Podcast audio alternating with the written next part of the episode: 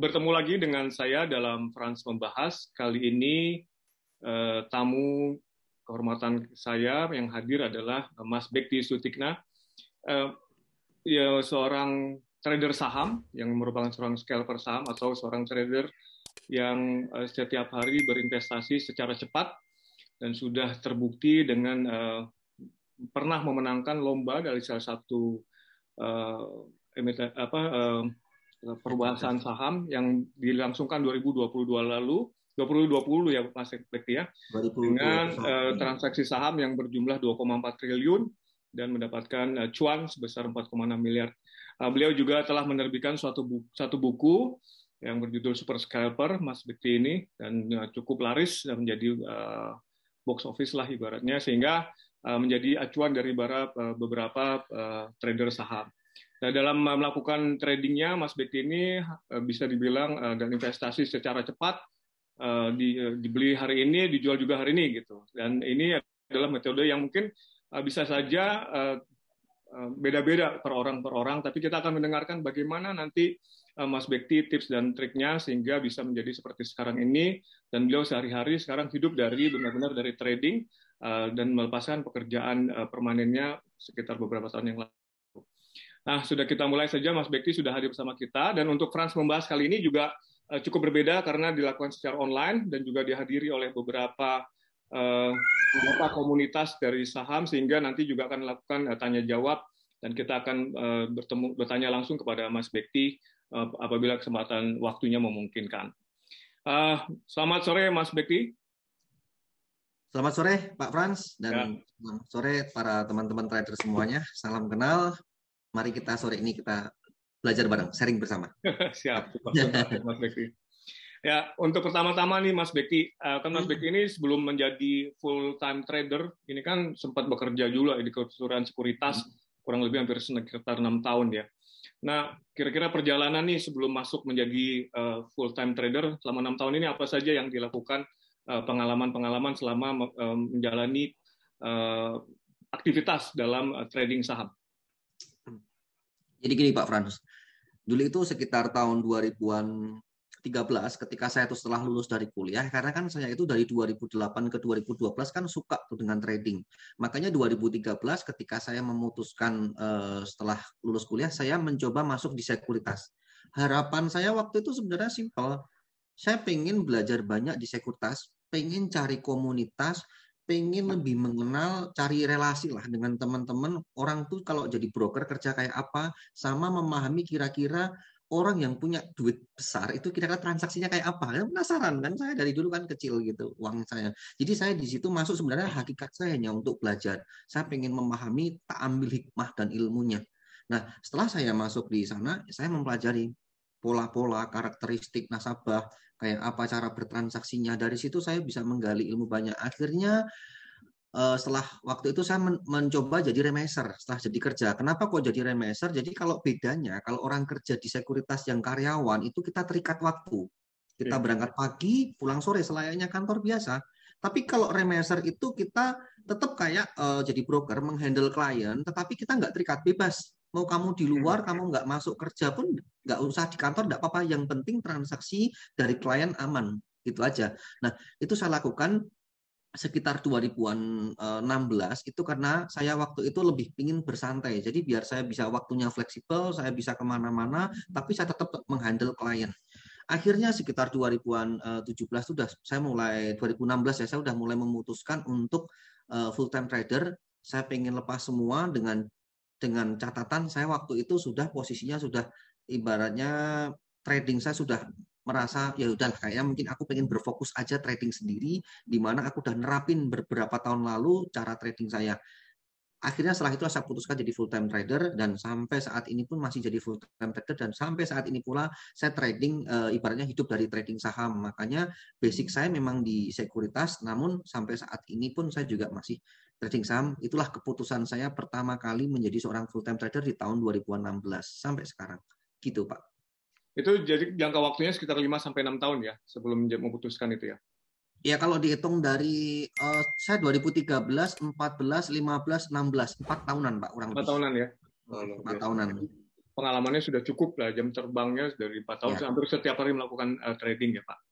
Ya. Uh, kemudian uh, apa saja nih yang harus dipersiapkan untuk menjadi full time trader seperti Mas Bekti ini? Apakah hmm. dari sisi dana, kemudian juga mungkin persiapan mentalnya, karena kan ini harus meninggalkan pekerjaan tetap yang nggak ada gajinya, ya. kan belum ada kepastian. Kemudian juga apa dukungan-dukungan lain yang diperlukan uh, untuk sebelum menjadi full time trader seperti Mas Bekti pada waktu itu. Uh, gini Pak, kalau mungkin waktu itu beda ceritanya sama mungkin pertanyaan yang saat ini dilontarkan. Maksudnya gini, kalau saya dulu, keadaan saya dulu itu mungkin kepepet. Karena hmm. keadaan saya, saya waktu itu mungkin ada namanya the power of kepepet ya, membuat karena saya itu dari dulu mahasiswa, kemudian kerja, fokus saya itu cuma di saham. Jadi ketika saya itu di saham kok waktu itu belum membukukan hasil yang signifikan, saya cuma berpikir kayaknya tetap aku harus bertahan deh di saham. Karena kalau aku nggak kerja di saham atau mungkin nggak fokus di saham, saya mau kerja apalagi bingung juga gitu. Hmm. Punya skill gitu selain saham, makanya saya mau nggak mau kayaknya harus bertahan di saham. Itu itu waktu itu keadaan saya. Namun sekarang kalau ada pertanyaan Mas Bekti tips untuk menjadi full time trader gimana kalau menurut Mas Bekti? Kalau saran dari saya gini, trader ini kan trading saham ini kan sesuatu hal yang nggak pasti di mana kalau mungkin orang mental apa orang masuk jadi karyawan itu kan dia memang dapat salary tetap entah itu berapa itu tetap. Tapi kalau saham kan sesuatu hal yang nggak pasti, bisa jadi ya dapat profit, bisa jadi enggak minus gitu. Nah, hal yang dipersiapkan yang pertama adalah harus punya skill dulu. Hmm. Teman-teman kalau masih kerja dan pengen jadi full time trader, kalau belum katakan gini deh, evaluasinya gampang. Kalau belum pernah membukukan 100% atau 200% dari modal, jangan coba-coba jadi full time trader dulu. Oh, Karena di sini harus punya skill dulu, Pak. Yang ditakutkan adalah ketika langsung memutuskan jadi full time trader, ini bukan sebuah profesi loh, tapi ini kita harus melihat skill kita dulu. Kalau kita nggak punya mengarah ke sana, kalau belum punya skill ya jangan dipaksa. Ibaratnya gini, saya pengen jadi seorang uh, perenang yang handal. Ya, yeah. Jangan pernah berpikir saya meninggalkan kerjaan, saya baru keluar, terus saya baru pengen berlatih berenang supaya jadi perenang handal. Ya jangan. Anda harus tetap bekerja, tapi Anda tetap mencoba dulu untuk berenang. Kalau skill Anda mungkin udah bisa berenang, mungkin uh, Anda ibaratnya mungkin secara kecepatan berenangnya udah kenceng gitu kan, ya. mungkin ya. biar Anda lebih berfokus dan meningkatkan, mungkin baru Anda pikirkan keluar dari pekerjaan menjadi seorang perenang nggak masalah. Sama dengan di saham, kita harus punya skill dulu. Cara evaluasinya coba Anda dengan uang kecil dulu aja deh, 3 juta hmm, yeah. atau 5 juta bukukan dari 3 juta itu jadi 6 juta dulu deh. Kalau emang Anda udah teruji uh, bisa membuat uang itu di trading jadi segitu, coba Anda top up. Kalau Anda mungkin udah berbulan-bulan bisa konsisten, cuan konsisten, silahkan Anda jadi full time trader. Jadi nanti harapannya ketika Anda memutuskan keluar jadi dari pekerjaan, Anda sudah bisa fight.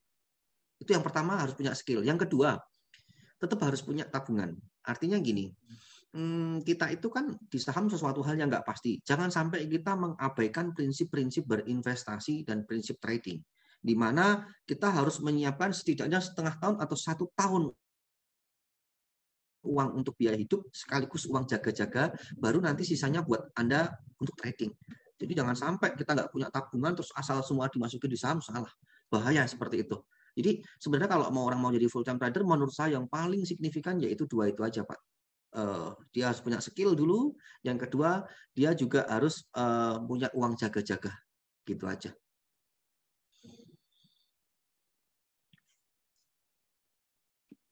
uh, masih terunmute Pak. Oke, terima kasih Mas Bekti. Berarti uh, sama skill dan juga dana untuk jaga-jaga ini yang harus diingat supaya nanti kita tidak terjebak dalam uh, apa namanya ketidakpastian sementara ya. kita sudah meninggalkan pekerjaan yang lebih permanen. Nah ini kan ya. agak berbahaya bagi kehidupan kita, apalagi kalau sudah berkeluarga ya Mas Bekti ya. Benar sekali Pak, benar sekali, benar sekali. Ya, ya ini sekarang masuk ke scalpingnya nih, Mas Bekti kan metodenya yang dipakai adalah investasi secara cepat, bahkan hmm. mungkin hitungan menit, hitungan detik, langsung dari beli langsung dijual. Uh, pada prinsipnya kalau saya pernah dulu mewawancarai Mas Bekti juga, hmm. uh, pokoknya uh, pada saat uh, penutupan saham itu uh, sudah kosong lagi gitu ibaratnya. Nah ini gimana cara memilih emiten-emiten yang akan dibeli pada saat scalping pada hari itu? Metode apa yang digunakan untuk memilihnya Mas Bekti? Kira-kira kan uh, saham ini kan ratusan jumlahnya. Hmm. Nah dari ratusan ini mana yang dipilih untuk scalping sehingga uh, bisa uh, bukan pasti ya, tapi paling tidak Mas Bekti punya feeling bahwa ini akan naik harganya dan lain sebagainya.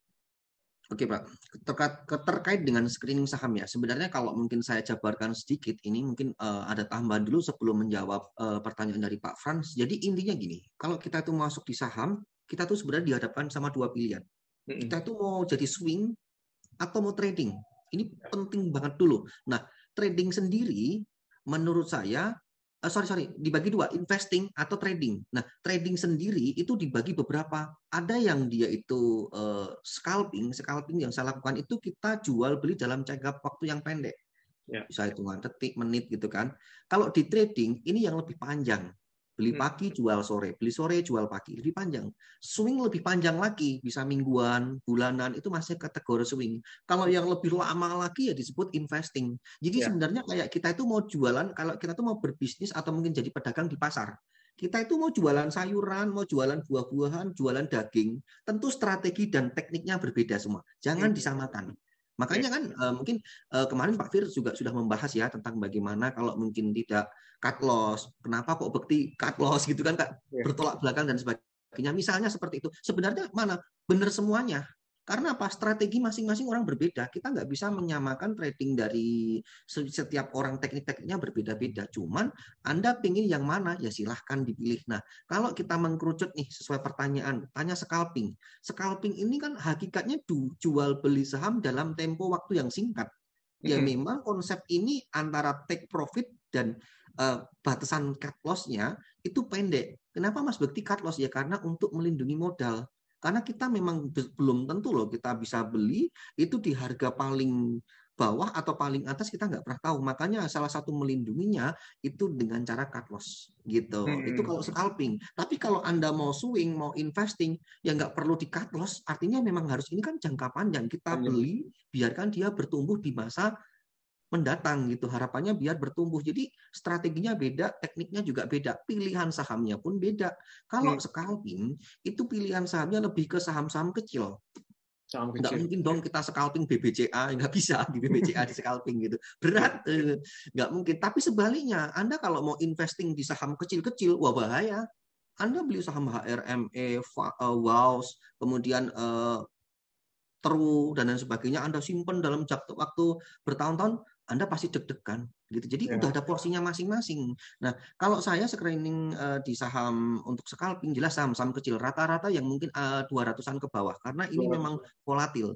Justru ya. scalping itu mencari saham di mana saham itu yang punya volatilitas yang tinggi.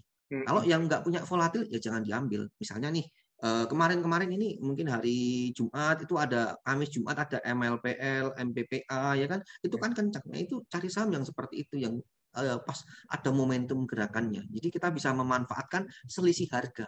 Kalau yang justru malah stabil-stabil itu cocoknya untuk swing atau investing. Karena kalau kita mau beli saham untuk swing ataupun investing, jangan cari saham yang terlalu bergejolak bahaya juga gitu. Jadi ibaratnya udah pada strateginya masing-masing, uh, pada tekniknya dan pilihan sahamnya uh, masing-masing gitu, Pak.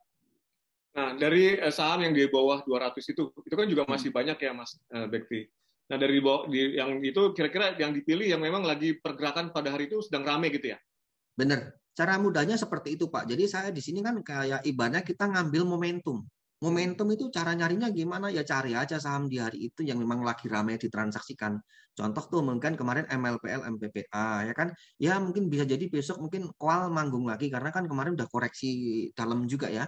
Uh, itu mungkin besok saham fokus ke kual. Mungkin next mungkin grupnya Haritanu, IPTV, Kepik, IATA rame lagi. Anda fokus aja di mana di saham yang pas waktu itu manggung. Ibaratnya kalau saya itu gini, kalau orang jualan. Kalau saya jualan petasan saat ini, ya nggak laku, susah. Tapi ya. kalau jualannya pas momentum Lebaran sama Tahun Baru, peluang ya. lakunya tinggi. Jadi kita cari momentum gitu. Intinya memang cari yang saat itu bergejolak kita manfaatkan uh, untuk cari profit gitu. Itu dalam satu uh, sekaligus uh, bersamaan kira-kira ada berapa saham Mas Bekti biasanya? Kalau untuk scalping sih saran saya jangan terlalu banyak ya. Anda hmm. mungkin cuma ambil satu atau dua jenis aja fokus. Mungkin kalau nanti mungkin ada peluang lain itu mungkin sebagian dijual dulu nanti ditukar saham lain. Jadi benar-benar kayak cuma silih berganti. Saya beli saham A, beli saham B. Ya kan? Oh ternyata C ada yang menarik gimana nih? Kadang kalau aku berpikir kalau ini mungkin udah profit aku jual. Kalau belum ya enggak apa-apa, saya jual dulu satu ker mungkin saham lainnya Jadi jangan sampai kita beli banyak sampai lima lebih gitu mah pusing kita untuk uh, mengontrolnya. Makanya kalau saran saya yaitu cuman beli sedikit aja tapi mungkin frekuensinya Anda bisa hmm. in out berkali-kali gitu. Nah, ini tadi bicara momentum juga Mas Bekti kan uh, kapan tuh momentum yang pas untuk menjual uh, pada saat kita sudah cuan berapa ataupun pada saat cut loss itu sudah berapa biasanya Mas Bekti kalau scalping? Hmm, kalau scalping sebenarnya pendek saya tidak pernah membatasi seseorang itu sesuai dengan cara saya. Tetapi yang saya lakukan rata-rata minus mungkin range sekitar 2-3 persenan, uh, mungkin naik juga sekitar ya 2 sampai 5 persenan, 3 sampai 5 persenan lah kisaran itu. Jadi di sini yang saya harapkan gini, teman-teman harus punya namanya trading plan. Hmm. Kalau Anda itu mau scalping, namanya aja scalping kan jual beli jangka pendek. Anda harus pasang tuh take target take profit Anda berapa, target loss Anda berapa. Jadi Anda udah punya rencana dulu. Ibaratnya kalau saya tuh pengen balapan motor, Anda harus siap remnya juga gitu. Jadi udah disiapin dari awal dulu. Nah, nanti kebanyakan biasanya dikait-kaitkan dengan pertanyaannya gini, Mas Bekti, saya itu ternyata beli saham, tapi tiba-tiba turun, saya sebenarnya udah cut loss, tapi habis di cut loss terbang. Nah, hmm, kemudian pertanyaan lagi, itu biasanya iya sering terjadi itu Pak pertanyaan ke saya. Habis itu dia beli saham, udah naik tiga persen, eh habis di take profit habis saya jual terbang lagi mas lagi, lagi, ya. gitu kan sebenarnya fenomena seperti ini ya memang wajar kenapa kita nggak akan pernah tahu harga itu keberapa kita nggak akan pernah tahu harga itu bisa puncaknya di berapa nggak akan pernah tahu. Yang kita lakukan adalah bersyukur. Ya udah kalau kita memang sudah sesuai trading plan kita, mungkin tidak sesuai harapan, ya cut dulu, tukarkan saham lainnya. Tapi kalau ternyata mungkin udah naik, ya take profit dulu. Kalau naik lagi, saya menganggapnya ya udah itu bukan rezeki kita. Karena kalau diikutin kita nggak akan pernah pas. Dan kebanyakan dari trader itu bisa bilang seperti itu karena udah terjadi. Contoh hmm. saya beli harga 100 ya kan? Ya. naik ke 103 saya jual profit 3 persen. Ya. eh naiknya sampai 110 ya kan? Waduh tahu gitu dijual mendingan di hold dulu deh sampai 110 ya. sayang sekali gitu kan dijual kecepatan gitu ya Anda karena bisa bilang seperti itu karena Anda tahu harga itu nyentuh 110 ya. coba Anda beli seharga 100 tiba-tiba harga Anda jual di 105 dan setelah 105 itu langsung turun. Wah, pasti Anda merasa saya orang paling beruntung ini. Saya kan kan udah bisa jualan di pucuk gitu kan. Nah, sebaliknya juga Anda pas posisi seperti itu, tiba-tiba apa yang Anda beli itu kemudian harga 100 Anda beli, harga mungkin 98 turun 2 persen ya, itu Anda cut, Anda kan rugi 2 persen tuh. Ya. Habis itu ternyata turun ARB sampai ke area misalnya sekitar 93. Dan hari berikutnya ARB lagi misalnya ke 80-an 6, misalnya gitu. Wah, Anda bersyukur. Untung kemarin saya cut loss. Nah, di sini sebenarnya kalau teman-teman masih punya mindset mindset seperti ini, menurutku teman-teman belum punya trading plan. Jadi teman-teman oh. kalau memang sudah merencanakan punya pengen trading, pengen tradingnya yang scalping, bukan yang di trading atau swing ya, Anda ya. harus siap pengaman karena Anda akan masuk di berbagai harga. Belum tentu harga itu tuh bisa jadi di paling pucuk banget gitu dan habis itu turun dan nggak balik. Karena pengalaman-pengalaman saya tahun lalu deh, saya beli bumi itu harga 140 perak. Teman-teman bisa lihat catnya di bulan kalau nggak Februari, Maret 2021. Saya beli di sana. Wah itu kalau nggak saya cut loss sekarang mate. Saya ngambilnya 14 M. 14-an M itu saya cut loss satu hari rugi 1 M. Pahit juga dipikir rugi 1 M. Tapi bayangin kalau nggak tak cut loss. Sekarang harganya 53 perak. 14 M itu sekarang nilainya tinggal 5,3 M. Rugi saya berarti mungkin udah sekitar 9 M lah kurang lebih. 8,7 M kurang lebih. Itu masih floating pro loss uangku ngendap di situ, saya nggak bisa gerak, ya kan? Nggak yeah. tahu naiknya kapan, malah nggak jelas, nggak ada trading plan. Kenapa? Kalau nggak ada trading plan parah. Tapi dengan keputusan saya waktu itu cut loss, karena memang waktu itu saya niatnya untuk trading jangka pendek, scalping. Ya. Saya cut, saya tukarkan di saham lainnya, malah udah profit ibaratnya gitu. Nah, makanya yang paling penting teman-teman saya menyarankan di sini adalah harus punya trading plan. Anda niatnya mau trading yang kayak apa dulu gitu. Kalau memang Anda pengennya yang seperti ini, Anda harus punya batasan take profit dan cut loss take profit itu juga penting. Jangan sampai teman-teman kadang orang tuh yang tanya ke saya itu adalah udah naik tiga persen didiamkan. Ah siapa tahu nanti naik lima persen Tunggu lagi. Udah naik lima persen wah tanggung nih kayaknya masih kuat nih. Aku yakin tetap sepuluh persen Ditunggu lagi eh ternyata nggak ditunggu lagi. Turun turun turun turun turun. Wah, ya. kalau udah tinggal tiga persen lagi, ah nanti deh kalau udah lima persen bener-bener mau tak jual. Ternyata nggak naik lagi dan turun dan BEP mulai panik, merah akhirnya cut loss juga nggak jadi profit gitu. Pernah saya juga nemuin kayak gitu. Maka dari itu teman-teman harus punya trading plan. Kalau Anda yeah. mau trading jangka pendek harus punya trading plan. Mungkin beda kasusnya kalau Anda memang punya investing jangka panjang, ya silahkan Anda memang save. Mungkin malah semakin turun Anda bisa beli lagi average down dan sebagainya. Metodenya berbeda. Gitu Pak Franz. Jadi memang trading plan itu harus mempunyai rasa disiplin yang tinggi juga ya. Nggak boleh kita tahan-tahan. Ya walaupun nanti kita ya mungkin kita setengah yakin bahwa itu akan naik, tapi kalau misalnya kita udah punya trading plan dan kita punya rasa disiplin, ya mau nggak mau harus kita jual, walaupun mungkin cuannya baru sedikit. Begitu juga sebaliknya, begitu turun, ya juga harus kita jual, walaupun nanti mungkin feeling kita akan naik lagi. Tapi paling nggak, karena ini sudah ada disiplin, ya mau nggak mau kita. Itu membiasakan disiplin itu ya mungkin susah ya, Mas Bekti ya. Iya, Pak. Iya. Iya, karena gini Pak, saya boleh menambahkan sedikit. Banyak dari kita itu kadang bermain hope, bukan bermain skill. Ini kesalahan oh. dari para trader. Jadi gini, misalnya saya beli di harga 100, ya kan? Akhirnya turun. Turun ke 99, 98 gitu kan, 97. Ah, siapa tahu nanti akan balik.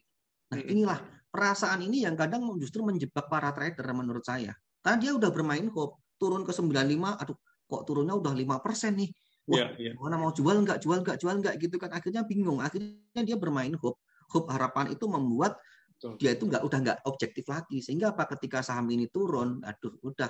Dan nyangkut. Tuh, iya. Di buku saya itu eh, tak ceritain nyata itu teman saya sendiri. Makanya saya udah izin saya masukin dalam buku saya. Dia waktu itu beli NV yang 1700 itu. 1,3 m dimasukin di NV harga 1700 hmm. sekarang harga NV berapa? 50 perak. Nilainya tinggal 37 juta. Karena apa? Dia nggak mau disiplin cut loss. Ketika dia beli di harga 1700 harga turun ke 1650 1600 1600 dibiarkan. Dia pengennya trading tapi dibiarkan. Akhirnya pas siapa tahu nanti balik lagi. Kalau tak cut loss udah ratusan juta ya iya. minusnya yeah. waktu itu dan kondisi itu. Akhirnya dibiarkan lagi dan semakin turun semakin takut semakin turun semakin takut. Akhirnya ya seperti ini. Bagaimana investor 2008 yang punya saham bumi? Saya itu punya cerita. 2008 pertama kali saya masuk market langsung kena bumi. Saya saham pertama bumi kena krisis porto saya langsung minus 50%. Bumi itu dari 8 ribu turun sampai 500 perak waktu itu. Gila banget itu. Dan itu benar-benar sampai disuspend tiga hari. Bukan sahamnya, tapi bursa efek kita itu sampai disuspend tiga hari. Nggak ada transaksi. Itu habis lebaran 2008. Itu saya ingat banget tragedi itu karena waktu itu krisis benar-benar luar biasa di keuangan Amerika. Uh, makanya waktu itu benar-benar bursa efek kita. Ya, ya. market itu, Pak. Uh, ya. Jadi di situ itu benar-benar uh, apa ya ilmu yang saya dapatkan dari sampai saat ini pengalamannya seperti itu. Ya. Gitu. Mas Bekti, untuk uh, scalping ini kira-kira jam berapa sih uh, waktu-waktu yang uh, efektif ya untuk bertahan? Kan ada misalnya ada yang bilang oh, jam 9 sampai setengah 10, ada yang bilang menjelang uh, penutupan sesi pertama, ada yang bilang pas pembukaan. Jadi pada saat pembukaan, menjelang pembukaan atau menjelang penutupan itu biasanya adalah saat-saat yang bagus untuk scalping karena fluktuasi harganya tuh benar-benar memang naik-naiknya tajam. Kalau Mas Bekti seperti apa tuh mekanismenya? sebenarnya kalau untuk scalping itu sebenarnya kita memang uh, selama seharian saya fokus mantau ya. Tetapi memang di jam-jam pertama, jam 9-an sampai jam-jam ya mungkin 9.45 lah, 45 menit di awal itu saya benar-benar fokus. Karena di situ gejolak market sangat tinggi dan aku sering memanfaatkan peluang di situ. Jadi itu uh, saya menganggap itu jam masa-masa emas ya. Jadi itu memang benar-benar saya nggak mau ketinggalan kalau sesi satu. Karena itu benar-benar volatil banget. Benar-benar aku harus ikut di situ. Banyak sekali dari hasil trading saya itu Pak, di, saya dapat di sekitar jam 9 sampai jam 9.45. Gitu. Nanti mungkin jam 10 ke jam 11-an itu mulai agak stabil ya market kita. Kemudian mungkin jam 11-an mau closing ke sesi satu tuh udah mulai agak sedikit ada yang rame-rame lagi. Kemudian sesi dua itu biasanya memang saya eh, sebelum closing itu juga pasti saya mantau. Mungkin sekitar hmm. setengah tigaan itu mulai tak pantau ketat lagi mana nih yang kira-kira karena ada saham yang memang closing tarik, ada yang sampai saham itu diarahkan gitu kan. Ya. Nah di situ. Jadi kalau bilang memang jam pertama sama jam terakhir tuh bagi saya aku harus mantau gitu. Hmm. Oh berarti ada juga sempat saham yang sempat nginep ya di Mas Bekti ya, yang dibeli menjelang penutupan terus besoknya baru dijual ya? Oh, ada Pak. Jadi saya mengajarkan kepada teman-teman itu kalau memang tidak ada pilihan saham yang bagus, artinya ya udah dikosongkan aja. Saya sendiri juga mengosongkan, namun tidak menutup kemungkinan hmm. saya itu tetap kadang menginapkan saham karena saya rasa ini masih potensial. Mungkin sahamnya auto reject atas, mungkin harapan saya bisa dijual esok hari ya. Misalnya kemarin ada IPO Nano ya, hari pertama kan auto reject atas tuh, hari kedua juga udah up lagi ya, kita bisa jualan gitu. Jadi aku juga kadang menyimpan saham untuk diinapkan. Cuman kalau di proporsi hitungan selama satu tahun trading itu mungkin bisa sekitar ya 80-90 persen tuh aku bersih gitu pak. Tapi tetap aku ada kalanya okay. menginapkan saham yang masih saya rasa bagus gitu. Nah, eh, ini nih mungkin yang pertanyaan paling sering juga ditanyakan oleh eh, teman-teman yang berusaha berusaha untuk scalping itu biasanya Mas Bekti eh, menggunakan eh, technical analysis atau fundamental analysis atau berdasarkan rate aja membaca bid offer dari eh, saham yang sedang bergerak pada saat itu. Oke Pak, saya sebenarnya paling uh, dominan tetap menggunakan tape rating ya. Hmm. Jadi kayak untuk fundamental jelas enggak. Karena kalau untuk scalping itu kan kita jual beli jangka waktu yang pendek. Kita nggak terlalu harus fokus ke fundamental. Fundamental itu lebih ke kalau kita memang mau menyimpan saham dalam waktu jangka menengah dan panjang.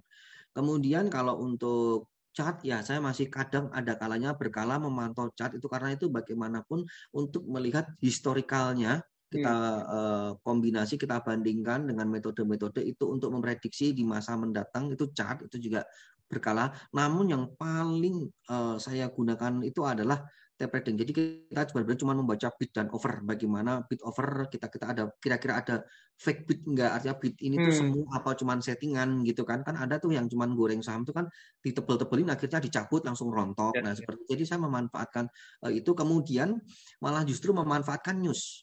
News itu ketika misalnya nih ada berita misalnya kayak uh, corporate action, right issue, stock split, dividen itu otomatis news-news itu keluar biasanya akan direspon.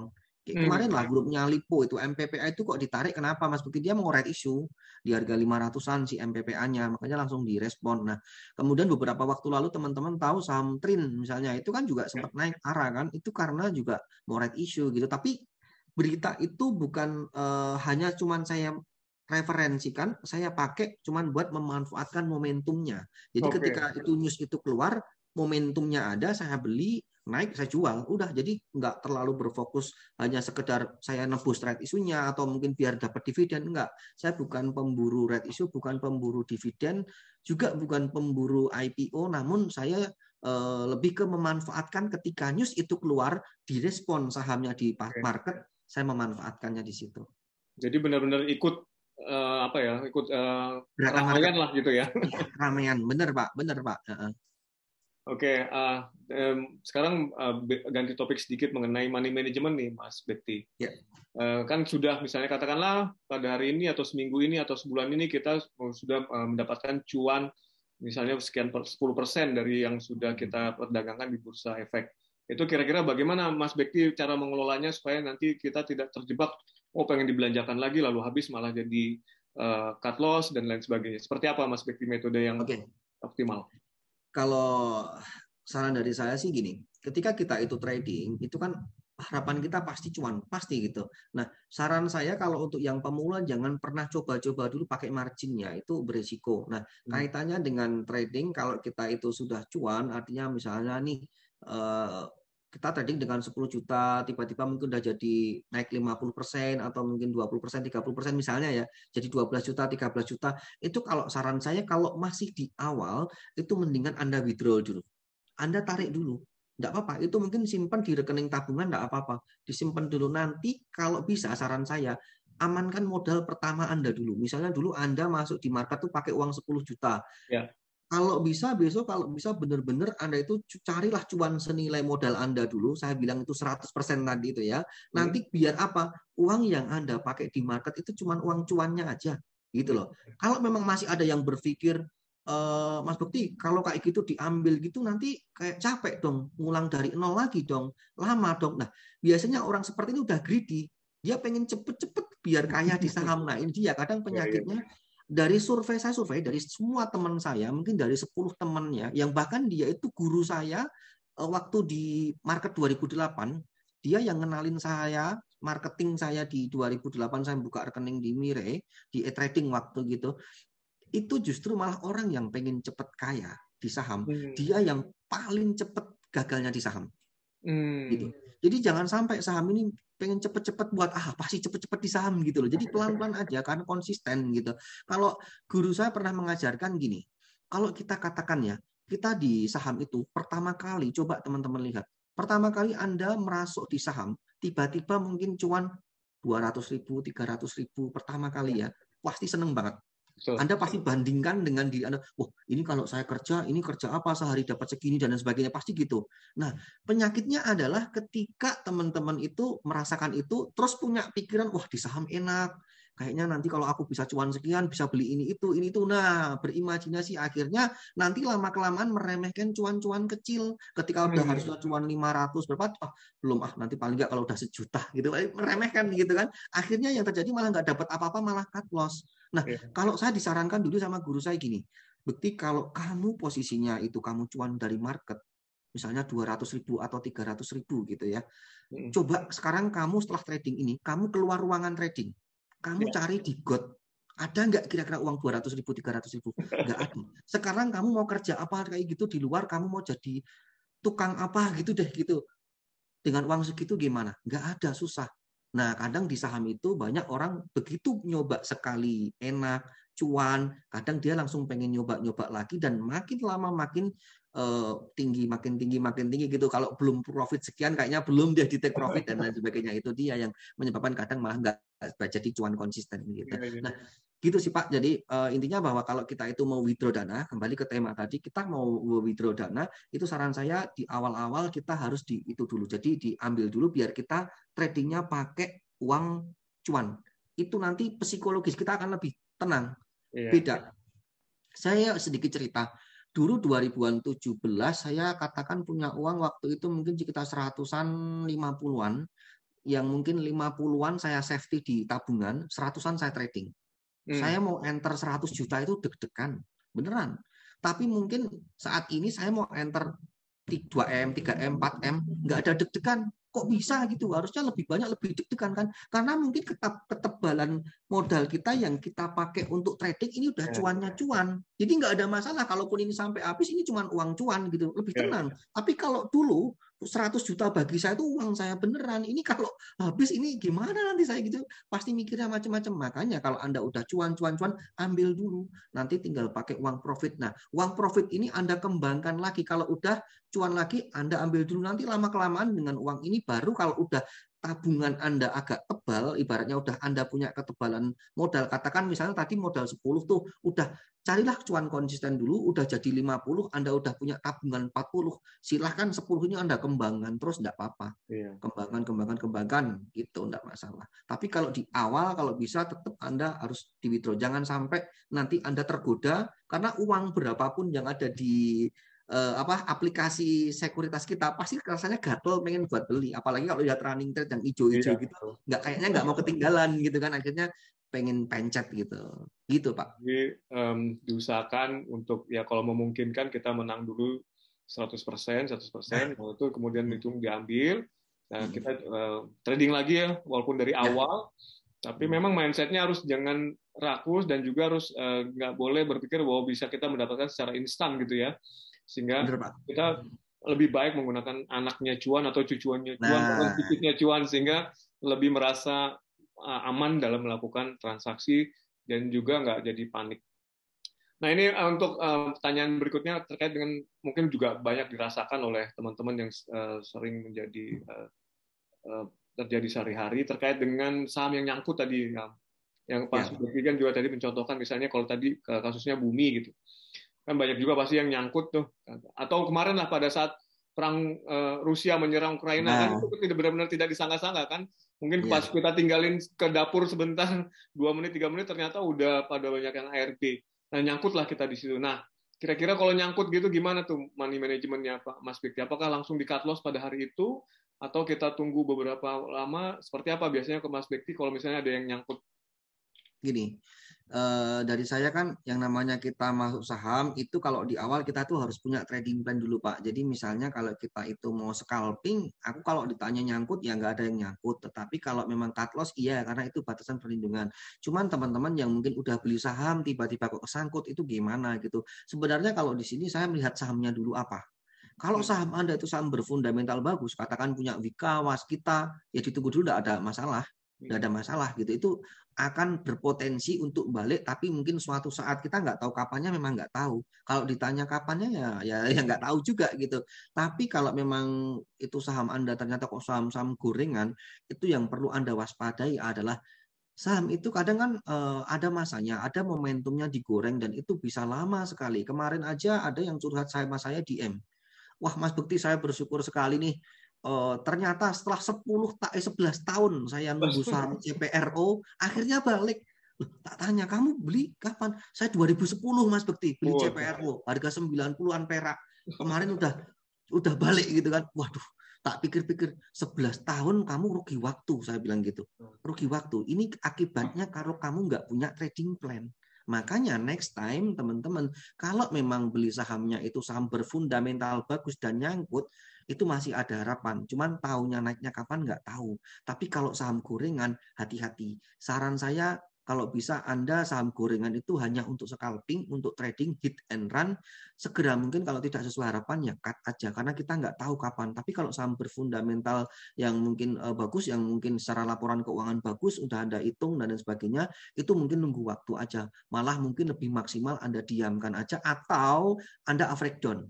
Jadi average itu kita misalnya nih saya punya waskita mas harga 1000, sekarang harganya mungkin 500-an, udah turun 50% kan. Kalau Anda ada rezeki lebih atau Anda mungkin trading terus cuan, Anda beliin tuh was kita siapa tahu nanti kan dengan adanya Anda beli harga 500-an kan ada harganya jadi average, jadi turun. Ya. Dengan harga jadi turun, nanti kesempatan Anda untuk BEP kan lebih cepat. Ya. Mungkin bisa jadi tuh di harga 700-an udah BEP misalnya gitu karena Anda average di harga 500. Tapi kalau nanti Anda nggak gitu ya mungkin Anda nunggunya lebih lama. Sebenarnya pertanyaan pertanyaan saya adalah siap enggak Anda nunggu lebih lama? Itu itu sebenarnya. Kalau ternyata Anda nyangkut dan Anda nggak siap, ya Anda harus rubah cara trading Anda atau money manajemennya atau mungkin cara mengelola beli sahamnya. Tapi kalau Anda udahlah enggak apa-apa, ini uang ini uang nganggur, enggak apa-apa, ya udah enggak apa-apa, ditunggu aja gitu. Cuman kalau pesan saya kalau saham gorengan hati-hati karena dia juga bisa jadi kayak turun apalagi Anda tahu saham-sahamnya bencok, suspend dan potensi delisting itu lebih tinggi gitu. Ya. Jadi hati-hati saya udah nemuin dari sekitar tahun 2008 sampai sekarang tuh mungkin udah ada 20-an emiten lebih yang udah di delisting gitu. Hati-hati. Termasuk teman-teman saya banyak yang kena itu kayak KARK, Siap, kemudian uh, Sugi, Sugi Energi itu juga semua saham-saham gorengan yang dulu pada masanya itu ramai banget gitu. Tapi akhirnya delisting semuanya gitu. Jadi hati-hati karena ketika saham itu delisting, pemegang saham itu haknya di paling akhir. Jadi uang kita bisa dikategorikan hilang. Hmm. Walaupun memang suatu saat kalau dia masuk lagi di bursa uang kita ada, cuman kita kan nggak tahu. Aku hampir cuma nemuin satu kalau nggak dua perusahaan, TALF namanya. Itu pernah delisting tapi relisting lagi gitu. Jadi bisa balik uangnya. Tapi kalau kondisinya saham gorengan saran saya harus Anda harus punya benar-benar trading plan karena ini resikonya gede. Bahkan saya dapat info kayaknya nih NV dan HKMU, HKMU itu kan udah 100% ke publik tuh. Hati-hati kayak gitu. Itu nanti kalau udah suspend, delisting, ya udah. Kalau yang punya sahamnya di situ hilang uang kita. Ya itu memang resiko terburuk di saham delisting gitu. Ya, ya makasih Mas Bekti. Uh, terus ya. dari yang terkait money management ini uh, berapa akun RDN yang digunakan untuk scalping nih biasanya sama Mas Bekti? Uh, semua orang punya versi masing-masing ya. Mungkin kalau Pak Fir mengajarkan mengajarkan 9 RDN, tapi mungkin dengan teorinya dia ya enggak apa-apa, itu bagus juga, silahkan. Namun kalau saya pribadi adalah yang penting kalau teman-teman mau scalping, sebenarnya harus Anda pisah ya antara scalping, mau swing atau investing Anda pisah. Jadi uh, Anda niatnya apa dulu gitu gitu. Jadi kalau memang Anda pengen scalping ya udah fokus aja di satu akun itu. Tapi jangan dicampur dengan yang investing dan macam-macam. Anda harus punya buka lagi. Anda mau buka sebenarnya cuma dua atau tiga aja menurutku udah cukup gitu. Tapi hmm. mungkin kalau cara Pak Fir punya beberapa akun tuh mungkin dia punya penilaian sendiri atau ilmunya sendiri ya enggak apa-apa gitu. Setiap orang kan punya caranya masing-masing. Ya. Walaupun semuanya tujuannya cuan gitu. Ibarat seorang pedagang nggak perlu kita itu mendebatkan dagangnya harus online atau dagangnya harus di lapak buka warungnya gitu atau mungkin dikemas kayak apa gitu. Yang penting tujuannya cuan gitu aja. Iya. Berarti berbeda-beda trading style, berbeda juga cara manajemennya, kemudian juga pemilihan sahamnya juga sangat berbeda ya. Oh pasti pak, pasti ya. semuanya berbeda. Hmm. Nah ini kami juga coba mengumpulkan beberapa pertanyaan dari para uh, pemula lah dalam bidang uh, saham ini, Mas Bekti. Ya, ada beberapa pertanyaan yang saya coba banyak bacakan.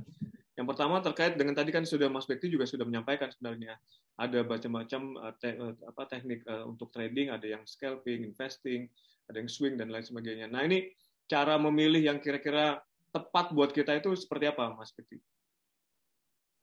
Kalau untuk memilih sih, sebenarnya saran saya yaitu tadi sebenarnya saya sudah sedikit uh, jabarkan di atas bahwa kalau kita tuh mau scalping, yang penting cari aja saham yang ramai, saham-saham yang kecil. Itu peluangnya lebih besar di situ. Cuman ingat ya teman-teman, resikonya juga ada karena uh, sebenarnya saya kalau untuk scalping itu memang teman-teman kalau bisa harus benar-benar menguasai dulu. Kalau belum menguasai jangan dipaksa scalping gitu. Ada teman yang tanya ke saya, Mas Bukti saya nyoba scalping kok malah las los las los terus ya gitu.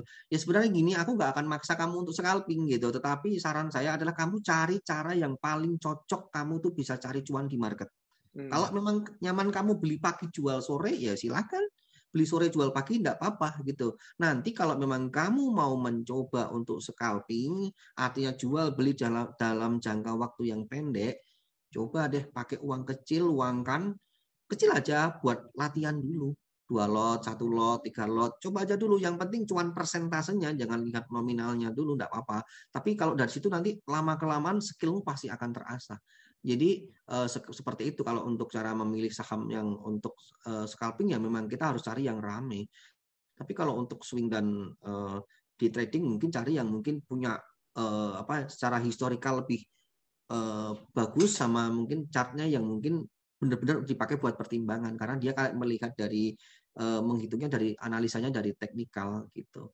Dan pilihan sahamnya tentunya juga kalau untuk swing yang agak stabil artinya nggak terlalu bergejolak banget di market tapi dia pelan-pelan kayak bertumbuh bertumbuh bertumbuh bertumbuh gitu.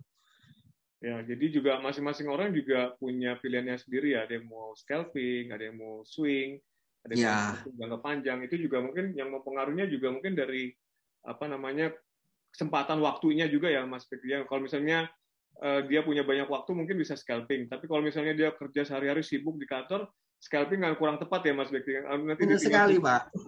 Benar sekali. Jadi memang kita harus punya syarat kan. Katakan saya bilang itu scalping aja. Kemarin saya pas uh, ingat banget saya waktu ke Jakarta tuh ketemu Pak Frans itu kan juga wah ini saya mau ketemu Pak Frans ya saya nggak usah trading dulu gitu. Kalau banyak trading pasti nanti was-was kita nggak uh, tenang kadang lihat aduh lihat market kayak gini rasanya pengen beli kalau udah dibeli jadi deg-degan dan lain sebagainya. Nanti daripada seperti itu mendingan nggak usah trading dulu. Jadi kalau scalping itu harus punya waktu apalagi mungkin dari sekian peserta ini pasti ada yang masih karyawan gitu kan. Jadi kalau posisinya seperti itu kan nggak semua orang full time trader artinya dia nggak semua orang punya waktu full untuk memantau. Makanya kalau memang nggak cocok scalping nggak punya waktu ya jangan dipaksa scalping gitu. Ya, jadi cari saham yang jangan terlalu bergejolak gitu. Kalau uh, masih kerja permanen mungkin lebih baik investing atau swing, swing gitu ya. dulu. Iya, gitu dulu, Pak. Tadi uh, Mas Bekti juga ini pertanyaan berikutnya. Tadi juga Mas Bekti sudah menjelaskan caranya membaca lebih banyak dari bid offer. Nah, selain hmm. bid offer itu juga apakah ada lain ya uh, apa namanya eh, sinyal-sinyal uh, misalnya apakah volumenya, kemudian juga mungkin broker summary atau seperti apa Mas Bekti untuk yang scalping ala Mas Bekti? Kalau broker summary saat ini tuh kan memang kita udah ditutup ya. Kita cuma yeah. lihatnya cuma kalau sore atau malam hari. Tapi itu juga saya akan lihat siapa sih net buy-nya. Itu saya pakai buat pertimbangan juga. Jadi setidaknya dia net buy di harga berapa katakan broker AA gitu ya. Dia udah melakukan net buy. Wah kemungkinan dia beli banyak di area ini. Trade book-nya saya lihat rata-ratanya di berapa gitu loh. Jadi rata-ratanya dia ngambil oh ngambil di sekian harusnya dia kalau ngambil sekian di closing di harga sekian kira-kira masih ternyata dia plus atau minus gitu kan. Oh ternyata dia plus misalnya oh tapi ada pembelian yang cukup banyak berarti kemungkinan saham ini masih diakumulasi gede. Itu tak pakai buat pertimbangan besok. Walaupun jangka waktunya berapa lama yang dilihat Mas Bekti seminggu sehari? oh kalau untuk scalping paling cuma satu hari dua hari cukup pak. Jangan sampai ke belakang jauh. Tapi okay. kalau kita itu mau swing kita paling nggak lihat mungkin sekitar dua minggu sampai satu bulan ke belakang. Kira-kira kayak apa ini gitu. Jadi kalau memang scalping pendek aja satu hari dua hari aja. Jadi kira-kira nih misalnya MLPL kemarin atau MPPA kemarin. Aku mungkin lihat review dari hari kemarin gitu. Uh, kami sama Jumat kira-kira kayak apa? Pembeliannya paling banyak di berapa? Average-nya yang net buy paling banyak di berapa? Nah besok kalau ternyata kok net buy itu di harganya itu mungkin sudah terjadi tekanan jual yang tinggi oh dia paling udah jualan. Kita harus hati-hati. Karena kita sekarang kan udah nggak bisa lihat tuh kode broker selama transaksi. Kita cuma bisa melihatnya kira-kira net buy dia tuh di average berapa gitu paling banyak terjadi transaksi ya. Aku cuman gitu karena kita kenyataannya udah nggak bisa lihat bahkan katanya dengar-dengar nih yang ke depan mungkin foreign juga mau dihapus. Jadi kita nggak bisa lihat. Kalau sekarang kan masih bisa lihat tuh ya. net buy net sell-nya foreign tapi besok katanya juga mau dihapus itu. Jadi mungkin kita lebih nggak tahu lagi dia ngambil siapa foreign atau domestik gitu kan. Kalau sekarang masih kelihatan. Nah aku biasanya jadi proxam seperti itu. Tetapi kalau udah market berjalan aku cuma bisa lihat dari bid over. Bid over. Bener-bener ini kalau aku bilang memang sedikit agak susah dijelaskan secara teori tetapi intinya yang ingin saya sampaikan adalah bid over itu ketika uh, saham itu prediksi saya itu sudah naik, kemudian mungkin uh, ada yang HK dan kemudian mungkin ada yang menebalkan bidnya tebal dan lain sebagainya, itu indikasi menurut saya. Jadi itu uh, momentum untuk saatnya kita ikut gitu. Sama kalau terjadi koreksi. Koreksi itu misalnya ketika harga udah di 111, turun 110, turun lagi 109.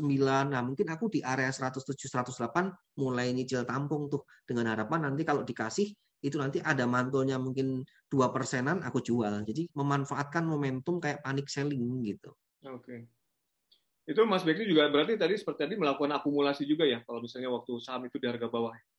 Ya kalau memang kita itu sebenarnya kalau dibilang akumulasi ataupun distribusi itu kalau kita memang mau pengen ngambil barang itu dalam jumlah banyak ya ya kita lakukan gitu. Jadi kita lakukan ya memang dengan cara apa? Ya kita ngumpulin barang dulu. Kalau bisa kalau memang fase akumulasi itu jangan sampai harganya naik dulu. Jadi dia masih menahan. Beli katakan gitu kan beli 109 gitu kan. Habis 109 beli dapat barang antriin di 111 12 13 harapannya biar overnya tebel. Hmm. Kalau penawaran tebel kan orang pada males mau HK gitu kan. Akhirnya apa? Cuman bermain di area itu dulu karena fasenya baru ngumpulin. Kalau udah punya barang banyak ya udah tinggal dicabut itu nanti biasanya langsung gerak gitu. Iya. Nah untuk uh, penggunaan uang yang atau dana yang dianggarkan pada hari ini untuk trading saham pada hmm. saat beli itu uh, misalnya oh, saham ini lagi bagus uh, untuk dilakukan scalping, Mas Bekti biasanya langsung beli semuanya di situ atau nanti disisakan beberapa dulu untuk uh, pada saat trading? Hmm, sebenarnya gini Pak, kalau saya sih sebenarnya tetap ada yang disisakan ya Pak. Jadi kalau kita itu mau scalping, kita harus selalu punya peluru. Itu pesan saya. Jadi cara kita trading adalah jangan sampai kita itu posisinya beliin saham semua terus kita diem menunggu nggak punya cash jangan. Jadi lebih baik kita cuma beli satu ya kan, tapi kita masih punya cash. Jadi kayak dipecah jadi dua ya, atau tiga peluru kita itu udah diukur dua atau tiga misalnya katakan saya punya uang 100 juta ya mungkin belinya mungkin 30-an 5 jutaan lah 30-an juta gitu kan jadi kita mungkin beli gitu kan terus ditunggu kira-kira responnya kayak apa gitu jadi tetap yang paling penting intinya adalah kita harus selalu punya cash jadi kalau ada kesempatan jam berapapun kita langsung bisa tembak gitu pak Oh, ada masih harus di, tetap harus dicadangkan dana ya Pak untuk supaya iya. nanti in case ada sesuatu yang dibutuhkan kita juga bisa langsung masuk di situ. Iya. Oke, uh, uh, sudah banyak sekali yang sudah diperbincangkan. Nah, sekarang mungkin saya mempersilahkan teman-teman apabila ingin bertanya secara langsung kepada Mas Bekti, uh, silakan di on kamera, kemudian menjelat, apa, langsung bertanya ke Mas Bekti. Tentu saja saya berharap nanti pertanyaan-pertanyaan adalah yang memang belum ditanyakan atau uh, ingin mempertegas atau melakukan konfirmasi apa yang tadi sudah dijelaskan oleh Mas Bekti. Silakan kalau ada pertanyaan. Bisa raise hand, nanti akan di-unmute oleh admin.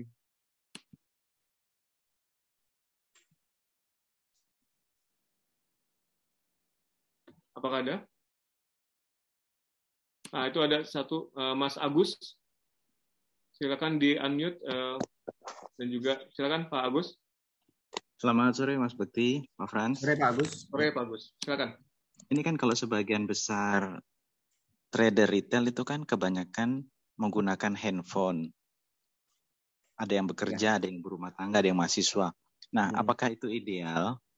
Nah, kedua, biasanya kan kita kan suka uh, mengalami lag di sekuritas masing-masing. Apakah itu wajar? Maksud saya, ada nggak saran uh, memilih sekuritas atau memang rata-rata sekuritas pada saat jam 9 lewat sampai jam 10 itu rata-rata nge ya? Terima kasih. Oke. Okay. Mas ya, ini pengalaman. Pertanyaan kedua ini agak seru ini. Sebenarnya kalau untuk uh, saya jawab yang pertanyaan kedua dulu ya, lagging katanya dengan lagging. Jadi gini teman-teman, saya dengan sekuritas itu banyak kenal, saya coba tanya juga, termasuk langsung to the point aja. Kalau kita itu pakai sekuritasnya retail, seperti kayak Mirai, iPod, Ajaib, itu kan nasabahnya banyak, ya kan? Saya sudah tanya itu problemanya kayak apa itu ketika kok jam 9 nge-lag, iya memang itu nge banget itu di awal. Uh, itu ibaratnya gini loh, ada sebuah selang server dari sekuritas ke bursa efek ya kan? Selang itu Anda bayangin, nasabah Mire itu contohnya itu sekitar 150 ribu lebih. Itu semua berbondong-bondong masuk di sini. Hmm. Sedangkan ada sekuritas itu yang cuman nasabahnya dikit. Ya lancar ibarat jalan tol gitu loh. Jadi memang nggak jujur nggak semuanya. Saya mencoba beberapa sekuritas ya. Ada yang memang dia kenceng. Kencang di awal sesi pun nggak akan ada ngeleknya tapi nasabahnya kecil dikit banget. Anda coba cari deh sekuritas-sekuritas untuk cadangan. Itu tetap uh, sekuritas yang mungkin nasabahnya nggak terlalu banyak. Ya ekuator. Ini saya, saya, saya, saya tidak terikat dengan sekuritas ya. Jadi saya ya, ya, apa-apa. Uh, ini aja terbuka aja. Uh, mungkin kayak uh, uh, semesta kemudian seperti kayak uh, CP Valburi itu nggak terlalu itu lebih kencang pengalaman saya gitu. Tapi kalau memang yang seperti itu, kalau Anda bertanya lagging itu memang terjadi iya. Itu menurutku wajar karena memang hubung, uh, selang yang dihubung ke bursa itu memang ter, apa ibadah buat rebutan banyak orang. Dan kalau nambah lagi nggak bisa. Karena apa? Itu kita setiap setiap sekuritas cuma dijatah satu. Jadi ya memang saya udah tanyakan juga itu problemnya sama CEO-nya gitu tak tanyain. Ya memang uh, belum belum bisa jadi yang solusi yang gimana gimana pernah uh, dari Mia ya contoh ya itu mau menerapkan pergantian sistem. Hmm. tapi dia CEO-nya belum berani menerapkan. Kenapa? Ini kalau ini bisa beresiko juga. Belum pernah dicoba sama sekuritas lain takutnya dicoba nanti kalau tambah nge tambah trouble tambah kacau lagi. Gitu. Jadi memang saat ini ya memang kondisinya seperti itu. Tetapi Sebenarnya kalau hakikatnya teman-teman untuk aliran swing atau investing nggak ada masalah apa-apa, termasuk nge-lag atau kode broker ditutup atau apa nggak ada masalah. Tapi bagi scalper-scalper yang Anda mungkin transaksi cepat di awal sesi, ya memang mengaruh. Jadi memang ini eh, solusinya memang jujur nggak ada solusi, tapi Anda mungkin bisa cari sekuritas lain yang mungkin bisa cepat di awal sesi. Karena ini memang benar-benar keadaan di mana ibaratnya itu kayak kondisi yang memang ya memang sangat-sangat satu selang itu buatnya buat rebutan banyak orang gitu. Kemudian tadi Pak Agus aku agak lupa pertanyaan pertamanya itu apa ya? Mas Bekti, handphone. Oh, handphone ya, handphone ya. Oke. Jadi kalau jujur pakai handphone sebenarnya itu lebih ke mungkin kebiasaan sih. Kalau saya pernah punya temen ya kerja di waskita beton. Ternyata dia trading pakai handphone itu bisa cuan banyak dia hmm. bisa membaca salah karena dia juga nyambi itu. Katanya saya bilang sama dia kamu kok nggak pakai desktop aku bilang gitu. Bosku tuh tahu kalau ada aplikasi di komputer kerja itu pasti orang nanti disambi nyambi trading saham nanti pasti disuruh hapus gitu. Jadi bosnya dia tahu kerja di kantor takutnya karyawannya pada trading gitu kan. Akhirnya dia mungkin membiasakan diri pakai handphone. Nyatanya juga bisa cuan gitu loh. Hmm. tapi jujur kalau ditanya saya pribadi atau mungkin kebiasaan saya karena dari dulu saya pakai desktop ya jadi saya jujur kurang nyaman kalau pakai handphone. Saya jujur hmm. agak nggak berani tapi saya lebih nyamannya pakai desktop karena bagaimanapun juga fitur yang ada di desktop sama yang di handphone itu lebih lengkap yang di desktop kalau di handphone tuh ibaratnya kayak sederhana gitu. Tapi nggak menutup kemungkinan ada kok orang yang bisa cuan dari situ. Sebenarnya lebih ke diasah skillnya sama mungkin kebiasaan. Kalau Anda kebiasaannya pakai handphone di ini terus, mungkin bisa jadi kayak teman saya itu tadi, nyatanya juga bisa cuan dari market. Gitu. Ya, gitu ya. Pak. Memang faktor kebiasaan ya, dan juga ya. bagaimana kita setiap harinya seperti apa eh, dalam melaksanakan uh, tradingnya, akhirnya juga bisa cuan juga walaupun menggunakan handphone. Banyak juga sebenarnya yang uh, double, kadang pakai handphone, kadang pakai desktop. Uh, silakan uh, mungkin uh, Pak Anto, Mike, silakan kalau ada yang ingin ditanyakan. Ini udah resen. Silakan Pak Anto, Mike.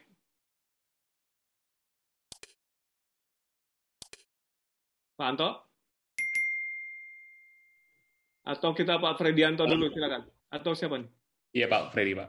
Pak Freddy monggo silakan mohon di on cam kameranya Pak. Ya silakan Pak Freddy. Oke, uh, selamat sore Mas Bekti, Pak Frans, selamat sore semuanya. Saya uh, terus terang mau share juga nih. Jadi saya alhamdulillah uh, sekitar tiga minggu yang lalu tuh dapat link mengenai videonya Mas Bekti. Jadi bagaimana Mas Bekti dalam 30 menit pertama transaksi. Nah, uh, itu boleh saya bilang hampir setiap hari, satu hari sekali saya nonton video itu sebagai afirmasi positif di kepala saya dan alhamdulillah udah hampir dua minggu ini mas mas Bekti gitu ya. Ibaratnya kalau di ring tinju nih kita lihat bit over bit over alhamdulillah lah gitu ya. Nah cuman begini mas Bekti yang saya mau tanyakan juga adalah eh, saya pengen tahu apakah mas Bekti itu memonitoring live trade?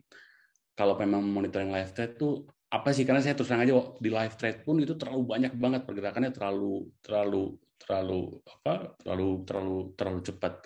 Atau mungkin kita mensiasatinya dengan uh, top broker apa top uh, emiten summary. Mohon pencerahannya Mas Bukti. Sekian dari saya. Terima kasih. Oke, Pak Fredianto. Jadi memang uh, scalping ataupun trading yang saya lakukan itu kan kita memang screening dari running trade ya. Sebenarnya cara saya itu uh, itu yang saya lakukan dari dulu. Tetapi ada beberapa teman saya itu yang kadang unik juga. Saya cerita sedikit ya ini sebelum menjawab pertanyaan teman saya itu dia itu malah nggak lihat running trade gitu. Saya mikir, loh, kamu cara transaksimu nggak lihat running trade? Iya, nggak perlu saya. Saya cuma lihat chart sama lihat stock price-nya. Jadi dia monitor dia itu isinya stock price stock price gitu banyak banget. Ada Antam, Inditins, Inco, MNC, BABP dan teman-temannya tuh banyak sampai 40 lebih. Waduh, nggak ada running trade aku bilang gitu. Sebaliknya dia tanya ke saya, kamu kok bisa running trade? Apa sih yang kamu lihat di running trade gitu kan? Pusing juga. Jadi benar saya telah pikir-pikir orang tuh punya cara yang unik-unik masing-masing dari cara dia screening saham. Tetapi gini Pak, yang paling penting adalah kalau cara saya memang saya itu dari running trade memang mungkin bagi orang yang awal banget itu akan pusing lihatnya. Sampai ada yang tanya saya juga, itu Mas Bekti dari running trade 700-an perusahaan tuh ada yang difilter enggak? Saya bilang enggak gitu. Tapi mungkin karena ini kebiasaan saya yang saya lakukan udah dari dulu, udah 13-an tahun, bahkan bisa dibilang udah ya memakan jam terbang puluhan ribu jam gitu. Jadi mungkin aku udah biasa dengan cara saya seperti ini. Tapi hakikatnya adalah ya seperti ini kira-kira Pak Freddy nyaman nggak? Kalau nggak nyaman mungkin nggak usah diikutin nggak apa-apa pak. Cari aja yang cara yang senyamannya Pak Freddy itu kayak apa. Tetapi kalau cara saya yaitu saya cuma screening dari running trade. Kalau ada yang rame langsung saya lihat di stock price. Bid overnya kayak apa trade booknya ini average-nya hari ini diakumulasi harga berapa ya kan? Mungkin batasan auto reject atas bawahnya berapa, terus kemudian ini kira-kira udah berapa persen, chartnya kayak apa. Jadi aku lihatnya dari situ. Ada nggak news-news terbaru dari saham nih saham gitu. Jadi kalau misalnya itu eh, cocok ya saya ambil, nggak cocok ya tinggalkan gitu Pak. Jadi inti hakikatnya adalah saya di sini menjelaskan tentang strategi-strategi trading saya. Silahkan teman-teman kalau cocok terapkan. Kalau belum cocok nggak harus terapkan karena bagaimanapun juga saya itu berproses saat ini menjelaskan ini memakan jam terbang yang tinggi. Artinya saya udah ibaratnya tuh saya balapan motor, saya itu sudah pengen balapan motor gitu. Bagi yang teman-teman yang belum bisa naik motor, jangan langsung kiblatnya semata-mata setelan motornya itu kayak orang yang balapan, jangan gitu. Jadi step by step juga. Nah, makanya saran saya adalah di saham itu yang penting cari cara yang nyaman dulu. Kalau nyamannya swing, swing dulu enggak apa-apa. Nanti lama kelamaan setelah Anda swing itu pasti muncul kok niatan untuk aku tak nyoba deh scalping dan lain sebagainya. Nah, ikuti tips-tips dari saya, pakai uang kecil dulu, jangan pakai margin, biar apa? Biar resikonya terukur. Jadi, kalaupun rugi minimalisir banget. Jangan sampai coba-coba pakai uang besar untuk scalping, bahaya gitu. Jadi step by step dulu. Makanya nanti eh, hasil saya saat ini itu kan kayak ibaratnya kumpulan dari bertahun-tahun cara saya trading. Yang itu saya ungkapkan ke Anda, tapi jangan ditelan mentah-mentah karena pasti ada yang nggak bisa langsung diterapkan. Termasuk katakan mungkin 4-5 tahun yang lalu, saya itu tiap malam punya buku khusus. Hmm. Buku hmm. di mana itu saya pakai buat nyatat. Oh, cepin. Itu mungkin support pertamanya S1-nya di harga sekian, support keduanya sekian, resistennya di sekian. Saya catat untuk watchlist besok hari. Besok itu kemungkinan kalau saham-saham yang wajib mungkin saya mikir uh, pilihan saya ini. Kalau yang saham gorengan mungkin isi-isinya sahamnya ini. Misalnya ada uh, eh, MLPL, ada bumi, ada energi, BRMS, saya tulis semuanya dulu. Waktu itu dulu tiap hari gitu tak tulis. Tapi lama kelamaan aku langsung kayak udah mungkin melekat di hmm. pikirannya, jadi nggak perlu tak tulis lagi. Oh mungkin buat besok tinggal oh pilihan sahamnya mungkin itu itu itu itu itu. Jadi lama kelamaan akan jadi berproses sendiri gitu. Makanya di awal ini saran saya adalah pelajari semuanya dulu pelajari semuanya, teknikal, baca news, cara write isu gimana. Bahkan saya sarankan teman-teman juga harus nyoba tuh cara ikut IPO lewat AIPO. Gimana caranya? Walaupun pakai uang dikit, coba aja gitu. Siapa tahu nanti kan teman-teman dari situ kan dapat ilmu baru. Itu coba dulu semuanya. Iya. Nanti lama kelamaan itu akan dipilah-pilah, terapkan mana itu yang cocok, mana itu yang enggak gitu. Iya. Makasih Mas Bekti. Jadi intinya ya. sebenarnya nggak ada yang serba instan lah ya, semua melalui proses. Nah ini kadang-kadang memang kita maunya serba instan, mau cuan uh, banyak dengan jangka waktu yang singkat dan lain sebagainya. Makasih Mas Uh, Mas Anto, Mike, mungkin tadi mau tanya tadi sempat terputus, silakan kesempatan kami berikan Pak Anto, silakan Pak Anto.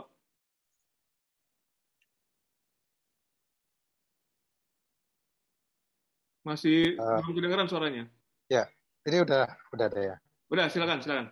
Ya. Monggo. Ya, uh, terima kasih. Selamat sore, Pak Frans dan Mas Bekti. Ya, uh, langsung aja, Mas Bekti, saya mau ada yang ditanya. Kalau Mas Bekti itu beli satu saham itu di satu harga langsung masuk semua atau secara bertahap? Uh, mungkin ada average down dan seterusnya. Dan bagaimana jualnya nanti? Itu langsung di satu titik, satu harga atau juga bertahap? Mungkin seperti itu, Mas Bekti. Jadi gini mas, uh, kalau kita itu belinya dalam jumlah lot yang kecil, ya memang satu harga. Gitu. Memang uh, uang kita muatnya cuma kecil ya satu harga gitu. Tapi kalau kita itu mau mengambilnya banyak besar, artinya misalnya gini deh, uh, misalnya ada saham IATA, lotnya di situ isinya dua puluh ribu, tiga puluh ribu, lima puluhan ribu kita hitung aja misalnya harganya 200 50 ribu itu kan 1 M 5 per 50 ribu lot kalau misalnya aku pengen beli 3 M ya otomatis aku harus beberapa harga nggak bisa langsung kalau kita langsung berpatokan cuma satu harga itu agak susah karena ketika kita itu ngambil pertama 50 ribu lot itu kadang udah ada gejolak orang mungkin harga di atasnya lagi jadi hmm. kadang campur. Yang saya lakukan adalah campur. Jualnya pun juga campur. Termasuk metodenya kalau uang kita itu kecil, artinya kita itu belinya lot kecil, katakan tadi isinya 50-an ribu semua. Tapi kita belinya cuma 2 ribu, 5 ribu, gitu kan. Anda jualnya mendingan diantriin deh, biar dapat lakunya. Tapi kalau Anda punya eh, ratusan ribu lot, misalnya saya punya 200 ribu lot, itu berarti 4 miliar ya nilainya ya. Harganya 200-an, kemudian isinya paling cuma 50 ribu, 30 ribu, yang jualnya pelan-pelan. Kalau langsung saya buang 200 ribu, wah langsung orang pada banding kiri nanti gitu. Jadi itu sebenarnya lebih ke psikologis pasar yang membaca. Jadi ketika ibaratnya psikologis pasar itu kayak ekspektasi pasar. Ketika lihat bid overnya nggak masuk akal atau nggak me, ibaratnya terlalu menonjol berbeda, itu pasti akan direspon oleh pasar. Sama halnya kalau saya sering mengibaratkan gini loh. Mas Anto sama Pak Franz misalnya, mobil Pak Franz itu udah dicuci, udah bersih. Mobil, mobil Mas Anto itu dalam kondisi kotor saya punya cucian mobil. Kebetulan cucian mobil saya itu baru berlaris uh, antrian mobil yang ngantri banyak gitu kan. Pak Frans lewat depan cucian mobil saya. Karena lihat di depan itu mobil banyak dan mobil Pak Frans sudah bersih. Wah, untung mobilku udah bersih. Nah, antriannya banyak banget. Santai. Pak Frans santai karena mobilnya udah bersih, kondisinya berbeda. Sedangkan Mas Anto bagi yang mau nyuciin mobil, males waduh antriannya panjang banget ini. Nanti kalau aku nyuciin jadi lama gitu kan. Akhirnya nggak jadi nyuci. Jadi sebenarnya kalau yang dilihat Pak Frans sama yang dilihat Mas Anto kondisinya sama. Tapi karena kepentingannya berbeda, jadi berbeda. Sama dengan di saham. Bid offer itu tergantung kepentingannya. Orang yang melihat bid offer itu terlalu tebal, mungkin dia yang udah punya barang banyak, ketika lihat tertebal ada yang buang, dia pasti juga akan cepet-cepetan buang kiri. Karena apa? Semakin turun dia nanti semakin nggak bisa jualan kalau yang punya lot banyak. Karena PR uang yang punya uh, lot banyak, uang yang banyak itu adalah gimana cara jualnya. Itu dari dulu sampai sekarang saya sering tanya kepada teman-teman saya itu pertanyaannya juga sama gitu. Gimana kamu punya saham ini enggak? Iya, aku punya hmm. sekian ribu lot. Wah, susah mau jualan gitu. Jadi uh, yang di PR adalah gimana cara jualnya. Karena kita harus pelan-pelan mengekspektasikan pasar. Jangan sampai kita jualnya terlalu banyak, terlalu cepat, langsung direspon pasar jadi langsung cepat turun gitu. Hmm. Tapi kalau kita cuma belinya kecil, lot kecil 2000, 3000, 5000 dengan kondisi di situ isinya segituan ya 50-an ribu lot ke atas, itu ya tidak masalah. Anda antriin aja gitu. Makasih Mas. Ya. Oke. Okay. Oke, uh, makasih atas uh, jawabannya Mas Bekti. Uh, silakan kalau masih ada yang mau ditanya lagi dari teman-teman yang hadir di sini, silakan mumpung bisa bertanya langsung kepada Mas Bekti dan masih ada waktu mungkin sekitar 10 sampai 15 menit lagi ya Mas Bekti ya. Ya, oke. Okay. Uh, saya bacakan dulu satu sambil menunggu yang lain. Uh, ini tadi tadi sudah ditanyakan sih sebenarnya, tapi mungkin uh, apa namanya bisa dijawab lagi oleh uh, Mas hmm. Bekti terkait dengan bagaimana kalau misalnya uh, terkait dengan uh, tape reading tadi kan ada running trade yang tadi sudah tanyakan juga sama Mas uh, Ferdianto, tapi uh, volume range-nya yang di harga berapa dan itu uh, bagaimana cara memilih pada saat momentumnya seperti apa, Mas Bekti? Kalau dipilih ya dibilang memilih ya ini nasihat dan saran saya. Teman-teman harus mempor, mem, memporsikan dana anda dulu. Jadi misalnya gini kita tahu di saham itu kan eh, apa ya dari 700-an perusahaan kan banyak banget. Nggak semua peluang harus kita ambil. Kita berfokus pada beberapa saham aja. Cuman kalau dana anda misalnya nih kondisinya saya kasih contoh misalnya pas posisi kecil katakan 5 jutaan 10 juta misalnya gitu ya anda nyoba di volume yang besar, saran saya nggak usah. Karena terlalu berat dan capek. Mendingan cari saham kalau Anda trading ya saham yang volumenya lebih kecil, yang lebih volatil, cepat. Contoh misalnya gini, ada saham bumi. Friend. Itu kan notnya jutaan. ya kan? Itu geraknya satu hari cuma kayak mondar mandir kanan kiri kanan kiri naik paling satu tik dua tik cuman di situ. Anda kalau beli di situ capek.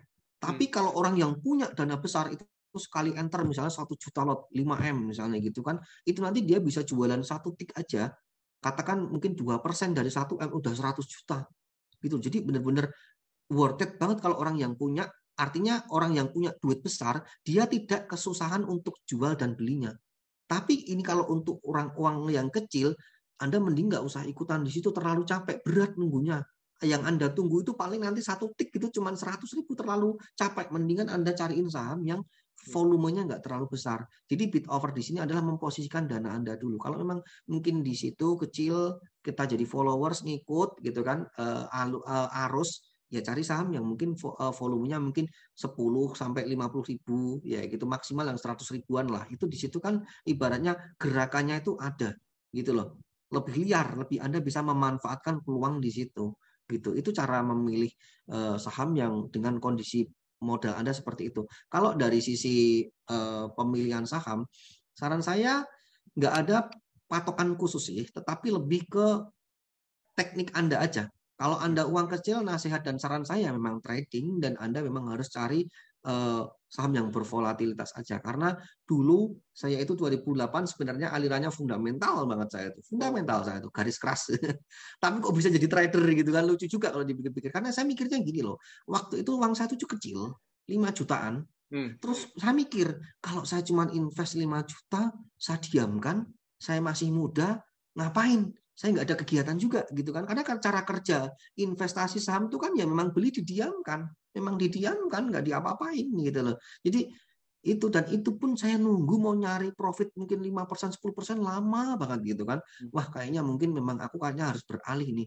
Aku harus nyoba untuk trading karena kalau trade itu kayak kita tuh dengan trading jual beli ibaratnya kayak ngumpulin ngumpulin profit kita kumpulkan kumpulkan kumpulkan berpotensi nanti kalau udah dapat cuan banyak baru tak invest gitu. Itu jadi eh, pengalaman saya seperti itu. Makanya kalau untuk trading kita harus memposisikan dana. Saya pernah kok trading dengan uang 5 juta ya memang berat juga kita cuma ngikutin arus uh, di market begitu dan kita ngikutin arus ya intinya kalau uh, membaca peluang ketika ini yang rame ikut gitu aja sih gitu pak.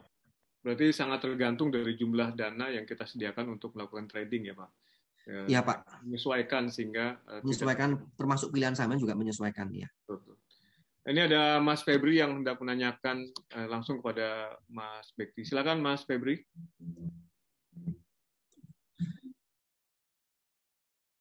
Masih masih, masih mute, masih mute, belum kedengeran. Siap, izin bertanya Pak Bekti, Pak Prince. Ini pertanyaannya mungkin umum ya. Uh, untuk sobat-sobat nyangkut nih, Pak Bekti, ada saran nggak uh, kapan harus average down, kapan harus cut loss? Misalnya, contohnya gini, uh, trading plan saya misalnya mau cut loss nih, tapi karena saya ada kesibukan misalnya saya bekerja ada kerjaan lah misalnya, sedang ada pekerjaan tahu-tahu udah turun harganya. Sementara dari sisi fundamental sahamnya misalnya bagus. Nah, itu gimana nih cara apa ya memitigasi risikonya biar nggak rugi terlalu dalam gitu. Itu aja mungkin. Terima kasih Pak Sekti. Oke, sebenarnya saya paham di sini Mas. Memang kadang itu kita itu kadang bisa jadi pengen niatnya mungkin swing atau niatnya trading ya, tapi ternyata kok kita tinggal kerja dan lain sebagainya itu kok tiba-tiba turun di luar kontrol kita gitu. Akhirnya nyangkut gitu. Apa yang terjadi sebenarnya di sini sebenarnya uh, menurut saya lihat dulu sahamnya fundamentalnya kayak apa. Kalau Mas tadi Mas Febri fundamentalnya bagus ya tidak ada masalah. Kalau ditanya average down, kalau average down tuh kalau bisa saran saya kalau udah turun yang bawah sekalian. Jadi jangan sampai baru turun 5%, 10% di. Wah, itu sama halnya konyol menurut saya. Kalau bisa kalau udah yang jauh sekalian. Misalnya tadi saya tadi pagi itu ngisi acara juga Zoom kayak gini, itu ada yang punya was kita harga 1100-an. Sekarang harganya 500. Itu kan udah turun 50-an persen. Ya enggak apa-apa kalau Anda mau average pas itu average aja. Kesempatan dan kita tahu kemarin uh, was kita naik ya. Artinya itu nanti justru akan pulih. Anda kalau average di dengan setengah uh, sesuai dengan kondisi nyangkut Anda itu kan nanti harganya jadi setengahnya. Katakan mungkin 500 sama seribuan 100 paling nanti mungkin di area 700-an gitu. Nah, itu saran saya kalau udah jauh sekalian mungkin 40%, 50% silahkan kalau mau average. Itu hmm. saran saya. Tapi tetap ingat, saham itu belum tentu selamanya setelah kita average itu pasti langsung naik. Belum tentu.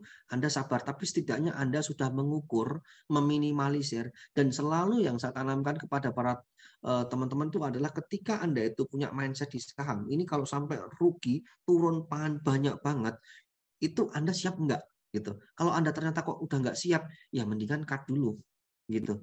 Kalau saran saya gitu pahit ya pahit. Saya pernah ngekat pengalaman satu minus 85 persen di Porto. Waduh, hmm. itu itu habis-habisan deh pokoknya. Tapi saya berpikir waktu itu gini, ini kalau saya biarkan, saya cuma hidup dari kayak ya cuman kayak harapan terus kapan naiknya.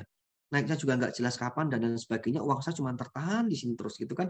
Akhirnya apa yang terjadi? Ya udah saya cut, udah tutup mata, akuin kita cara kita salah, kita coba lagi. Next time aku harus lebih benar lagi. Misalnya Mas Febri punya kesibukan, ya hati-hati lagi kalau beli saham jangan sampai pas posisi uh, yang volatil banget dan uh, atau bisa juga teknik dari teman saya pasang namanya stop automatic order. Ada itu automatic order zaman sekarang tuh si handphone-handphone aplikasi udah ada. Jadi ketika nanti saham itu udah turun di sekian, itu otomatis akan jual sendiri.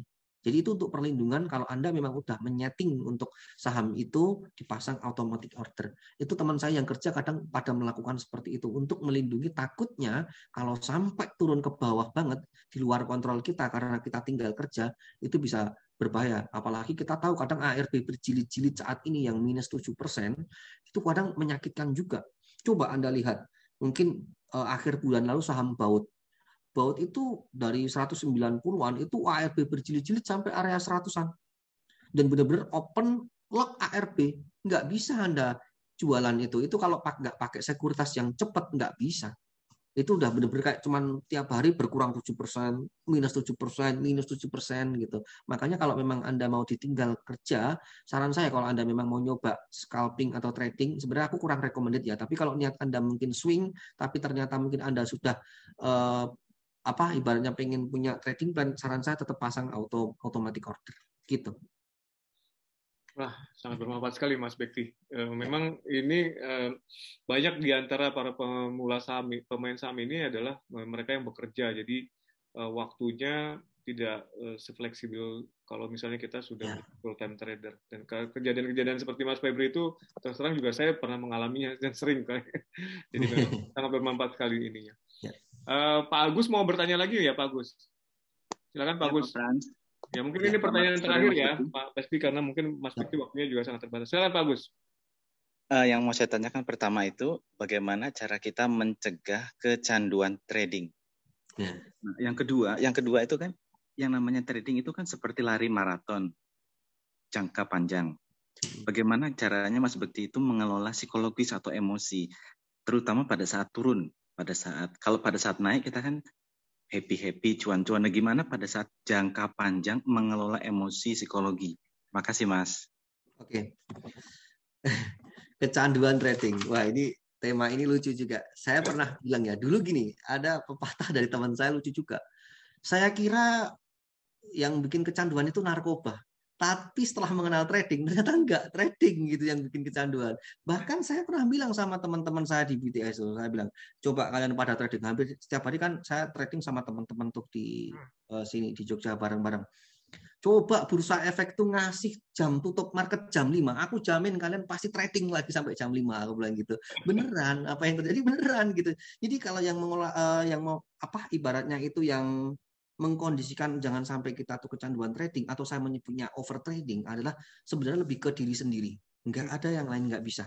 Jadi benar-benar kayak kita mengontrol diri sendiri. Misalnya gini Pak, kalau saya yang terapkan itu adalah ketika misalnya kita trading, udah cuan, ya kan? Nah, kadang muncul dalam benak diri manusia itu sifat serakah.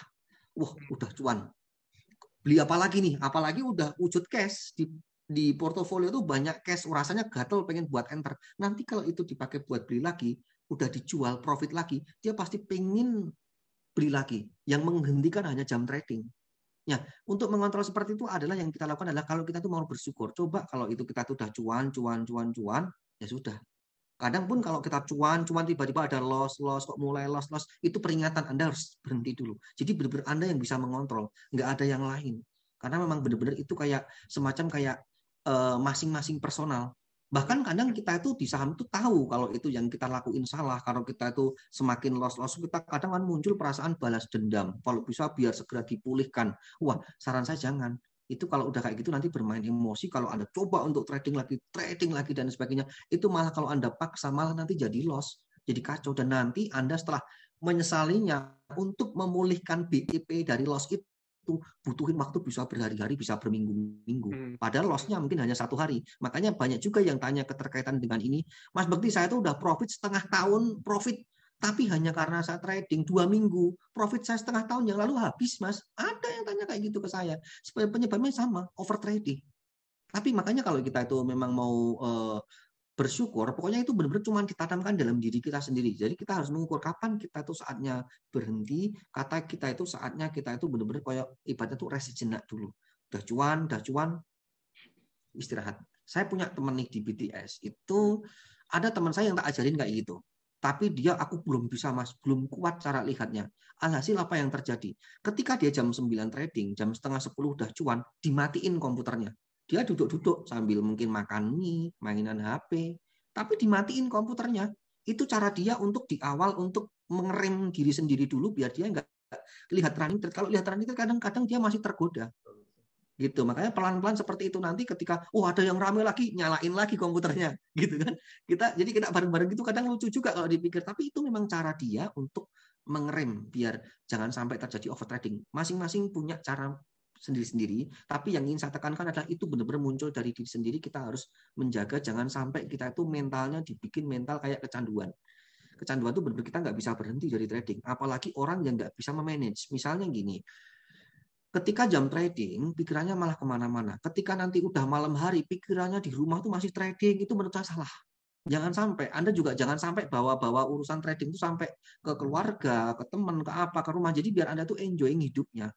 Ingat, yang Anda mau lakukan ini trading, ini berkesinambungan. Anda harus manage banget dari depan. Kalau nggak di manage, masa iya sih seumur hidup Anda mikirin trading itu, oh bahaya juga nanti. Nggak happy-happy nanti. Karena ada survei di Amerika, bisa dipastikan orang di saham itu punya tingkat stres paling tinggi. Hati-hati. Hmm. Gitu. Jadi makanya Anda harus benar-benar memanage namanya trading itu benar-benar cuman saya trading, trading selesai, tutup market, udah tutup. Kita ketemu keluarga, main sama teman, ke mana, ya udah kita enjoying di saat itu aja. Jangan pas ketemu sama teman masih mikir trading gitu, jangan. Jangan gitu. Kemudian yang kedua tadi terkait masalah uh, kalau loss gimana tadi Mas? Mengelola emosinya, mengelola emosi mengelola emosinya. Jadi gini, ya. memang ini agak berat Pak. Artinya di sini juga kembali lagi ke diri sendiri. Tapi pengalaman saya adalah ketika saya itu dulu pernah loss. Saya termasuk yang beberapa waktu lalu itu mungkin tahun lalu ya satu satu minggu hampir 3 m melayang.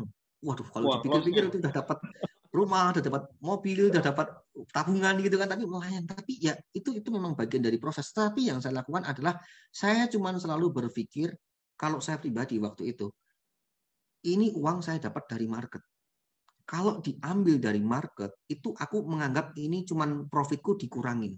Next time aku akan cari lagi. Aku harus cari kesempatan lagi, nanti cari momentum yang lebih baik dan di saham yang bisa berpotensial lagi. Saya cuma mikirnya gitu. Saat itu rest sejenak dulu. Udah lost, tutup laptop, nggak usah gimana-gimana, refreshing dulu. Ya memang kadang berat, iya berat. Ibaratnya kita kerugian kok, rugi kok gitu kan. Tapi tidak apa-apa itu kita pulihkan lagi di lain waktu. Makanya next time saya menyarankan tadi ketika kita itu punya modal di saham, berfokuslah dulu cari 100%. Kalau udah nanti pakai uang cuan, semakin itu cuan diambil cuan diambil. Jadi next time Anda itu benar-benar trading pakai cuannya cuannya cuan. Jadi Anda kan lebih tenang nanti walaupun itu nanti itu loss, itu Anda pasti berpikir aja yang positif. Ini cuman sekedar dikurangin profit saya di market. Tidak apa-apa deh, besok tak cari lagi. Masih ada kesempatan, masih ada peluang. Aku cuma gitu cara menata suasana hati saya. Gitu Pak, yang saya lakukan ya seperti itu. Tapi kalau dipikir saat itu juga loss, waduh, kena juga gitu loh. Saya kemarin juga beberapa waktu lalu sama teman-teman BTS. Anda tahu hari Selasa itu Antam kan eh, 29 eh 2840 tutupan. Pagi kan open ARB tuh. Yeah. Iya. Uh, mungkin hari Rabunya ya kalau nggak salah itu teman-teman BTS kena semua. Waduh, los los gimana udah? Kalau udah kayak gini gimana? Udah rest dulu. Sejenak dulu Anda jangan trading dulu. Di awal sesi, apalagi kalau udah loss, itu kadang mentalnya udah kena. Itu kalau Anda teruskan trading bahaya. Rest sejenak dulu udah nanti kita cari peluang. Kalau memang nggak ada peluang lagi jangan dipulihkan saat ini. Anda di awal sesi belum apa-apa ibarat mau perang, itu udah di loss dulu. Udah kena mental ibaratnya harus hati-hati. Anda kontrol banget diri Anda. Nah, di situ ketika itu sudah oke okay, Mas, sudah enggak apa-apa, fun, udah pada bisa ketawa lagi gitu kan, ya udah trading lagi. Jadi benar-benar kondisikan diri diri sendiri. Jangan sampai kita malah di Sabtu malah stres yang kita dapat. Apalagi yang konyol lagi ketika Anda nggak punya trading plan atau money management atau orang yang nggak mau disiplin punya uh, trading plan-nya itu nanti bisa jadi mungkin di bulan keberapa atau di tahun berapa dia menemui sebuah kegagalan. Karena ada yang tanya sama saya, Mas Bukti saya beli saham A. Turun. Saya biarkan aja Mas, turun Mas.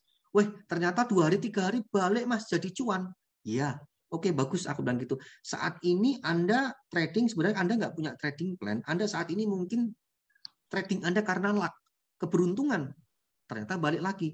Tapi karena Anda ini kan mau trading berkesinambungan tuh hmm. dari hari ke hari, bulan ke bulan, tahun ke tahun kalau bisa dipakai buat hidup, ikan cuannya gitu kan. Nah, aku jamin kalau Anda nggak menerapkan trading plan disiplin, pasti mungkin di bulan keberapa atau di tahun keberapa Anda pasti jatuh tidak sesuai harapan. Ketika Anda beli, tiba-tiba turun, Anda biarkan, oh siapa tahu ini akan balik kayak dulu, eh ternyata enggak. Semakin dalam, di saat itulah Anda jatuh. Gitu makanya kalau kita itu mau trading plan, uh, trading kita harus punya trading plan. Makanya saya saya bilang kenapa kok saya sering menyarankan kalau bisa bersih sore hari biar tenang. Apalagi saat ini Rusia Ukraina kita nggak ada yang tahu loh kayak apa yang terjadi. Ya tiba-tiba kalau perang dunia beneran atau apa, tiba-tiba mungkin ngefek ke bursa efeknya dan sebagainya, kita nggak ada yang tahu kayak apa. Wah itu pasti langsung direspon. Dulu saya ingat banget waktu ini aja ya, waktu Ibu Menteri Keuangan Bu Sri Mulyani waktu eranya SBY dia mau menjabat di World Bank, ya, itu ya. IHSG direspon langsung turun karena Ibu Sri Mulyani waktu itu benar-benar punya nilai positif di market kita. Ketika dia langsung dipindah ke World Bank, langsung IHSG ambles 2% lebih. Saya ingat banget waktu itu. Tak pikir-pikir, apa kaitannya kayak Bu Sri Mulyani nggak jadi Menteri Keuangan lagi kok bisa gini. Tapi ya memang market tuh seperti itu. Makanya kalau untuk menghadapi ketidakpastian, saya sarankan kalau bisa sore hari itu dibersihkan, biar malam hari Anda tidur tenang. Saya pernah punya pengalaman juga ketika saya itu beli saham, ya tiba-tiba setengah malam saya pengen ke toilet gitu kan. Eh sambil lihat HP waduh dojonya rontok tiga persen komoditas rontok. Habis itu saya nggak bisa tidur. Mik besok gimana sahamnya saya ya? Open pasti ARB waduh kalau ARB saya bisa rugi sekian. Wah mah mikir malah kita nggak bisa nyenyak tidurnya. Gitu makanya saya bilang kalau bisa anda itu scalping trading Selalu punya peluru, bersihkan sore hari. Jadi biar Anda lebih tenang. Kalau untuk menghadapi loss yang udah dalam tadi, ibaratnya kita udah rugi yang uh, ibaratnya itu ya diri sendirilah yang bisa menguatkan spiritual. Makanya di saham itu kalau bisa pakai uang dingin dan di awal Anda trading pakai uang kecil-kecil dulu kalau memang Anda udah uh, membukukan 100% pokoknya amankan modal Anda dulu di safety. Jadi benar-benar kalau ibarat kita itu orang dagang atau orang trading itu aku trading itu sekarang udah pakai cuan bukan modalku lagi jadi itu akan lebih Anda akan lebih tenang dan nyaman cara tradingnya gitu Pak Terima kasih Mas Bekti. Wah luar biasa sekali nih sore ya. ini. Daging semua nih informasi dari Mas Bekti. Tapi ya. akhir nih sebelum kami tutup. Mas Bekti tadi sudah menyebut-nyebut BTS BTS mungkin banyak yang belum tahu nih tentang padepokan Bastik yang ada di Jogja nih bisa ya. dijelaskan singkat kan mungkin juga ada yang mau bergabung sama padepokan BTS seperti apa tuh Mas Bekti?